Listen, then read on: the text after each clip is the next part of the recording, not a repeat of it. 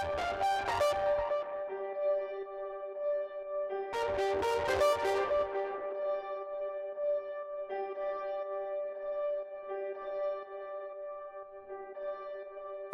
はい、えー、隙間時間にゆるく聞いていただきたい、えー、聞き流し英会話。この番組はハワイ出身、日本在住のマットさんと私、えーと、英語学習中の大輔がとマットさんからですね、いろいろビジネスシーンに特化した、えーと、フレーズですとか、日本人が気をつけた方がいいポイントなどをですね、ネイティブのマットさんから学んでいくという番組になっております。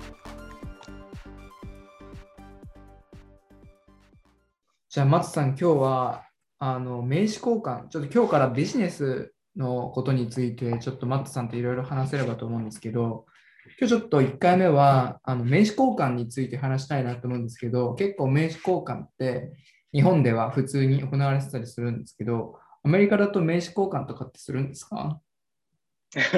So yeah, I think that that's you know I know it's a big deal in Japan to um, to exchange business cards, but in America, Um, we do exchange business cards, but it's not such a formality like it is in Japan. なるほど。でもビジネスカード自体はこう、名刺交換自体はあるんですね。Yeah, especially for like really, really corporate um, mm-hmm. situations. Um, but I would say that it's not, you know, not all companies do it. はいはいはい。なんか外資系とかで、マットさんの経験とかであります名刺交換とか、日本の企業入った時に名刺交換した経験とかある Um, so I've only worked, you know, for one other company um, that wasn't, you know, related to English teaching, um, and it was a Japanese company. So yeah, there was um, exchanging business cards. はいはいはい。なるほどなるほど。どうでしたその時なんかこう日本のマナーとかで苦戦したりしなかったですか I mean, I did, you know, learn um, the business manners, like for mm. exchanging business cards in Japan. Um, and it's just, it's a little bit over the top for me. Hi, hi, hi. Um, like how you have to, you know, hold the business card with two hands, and um, what is it?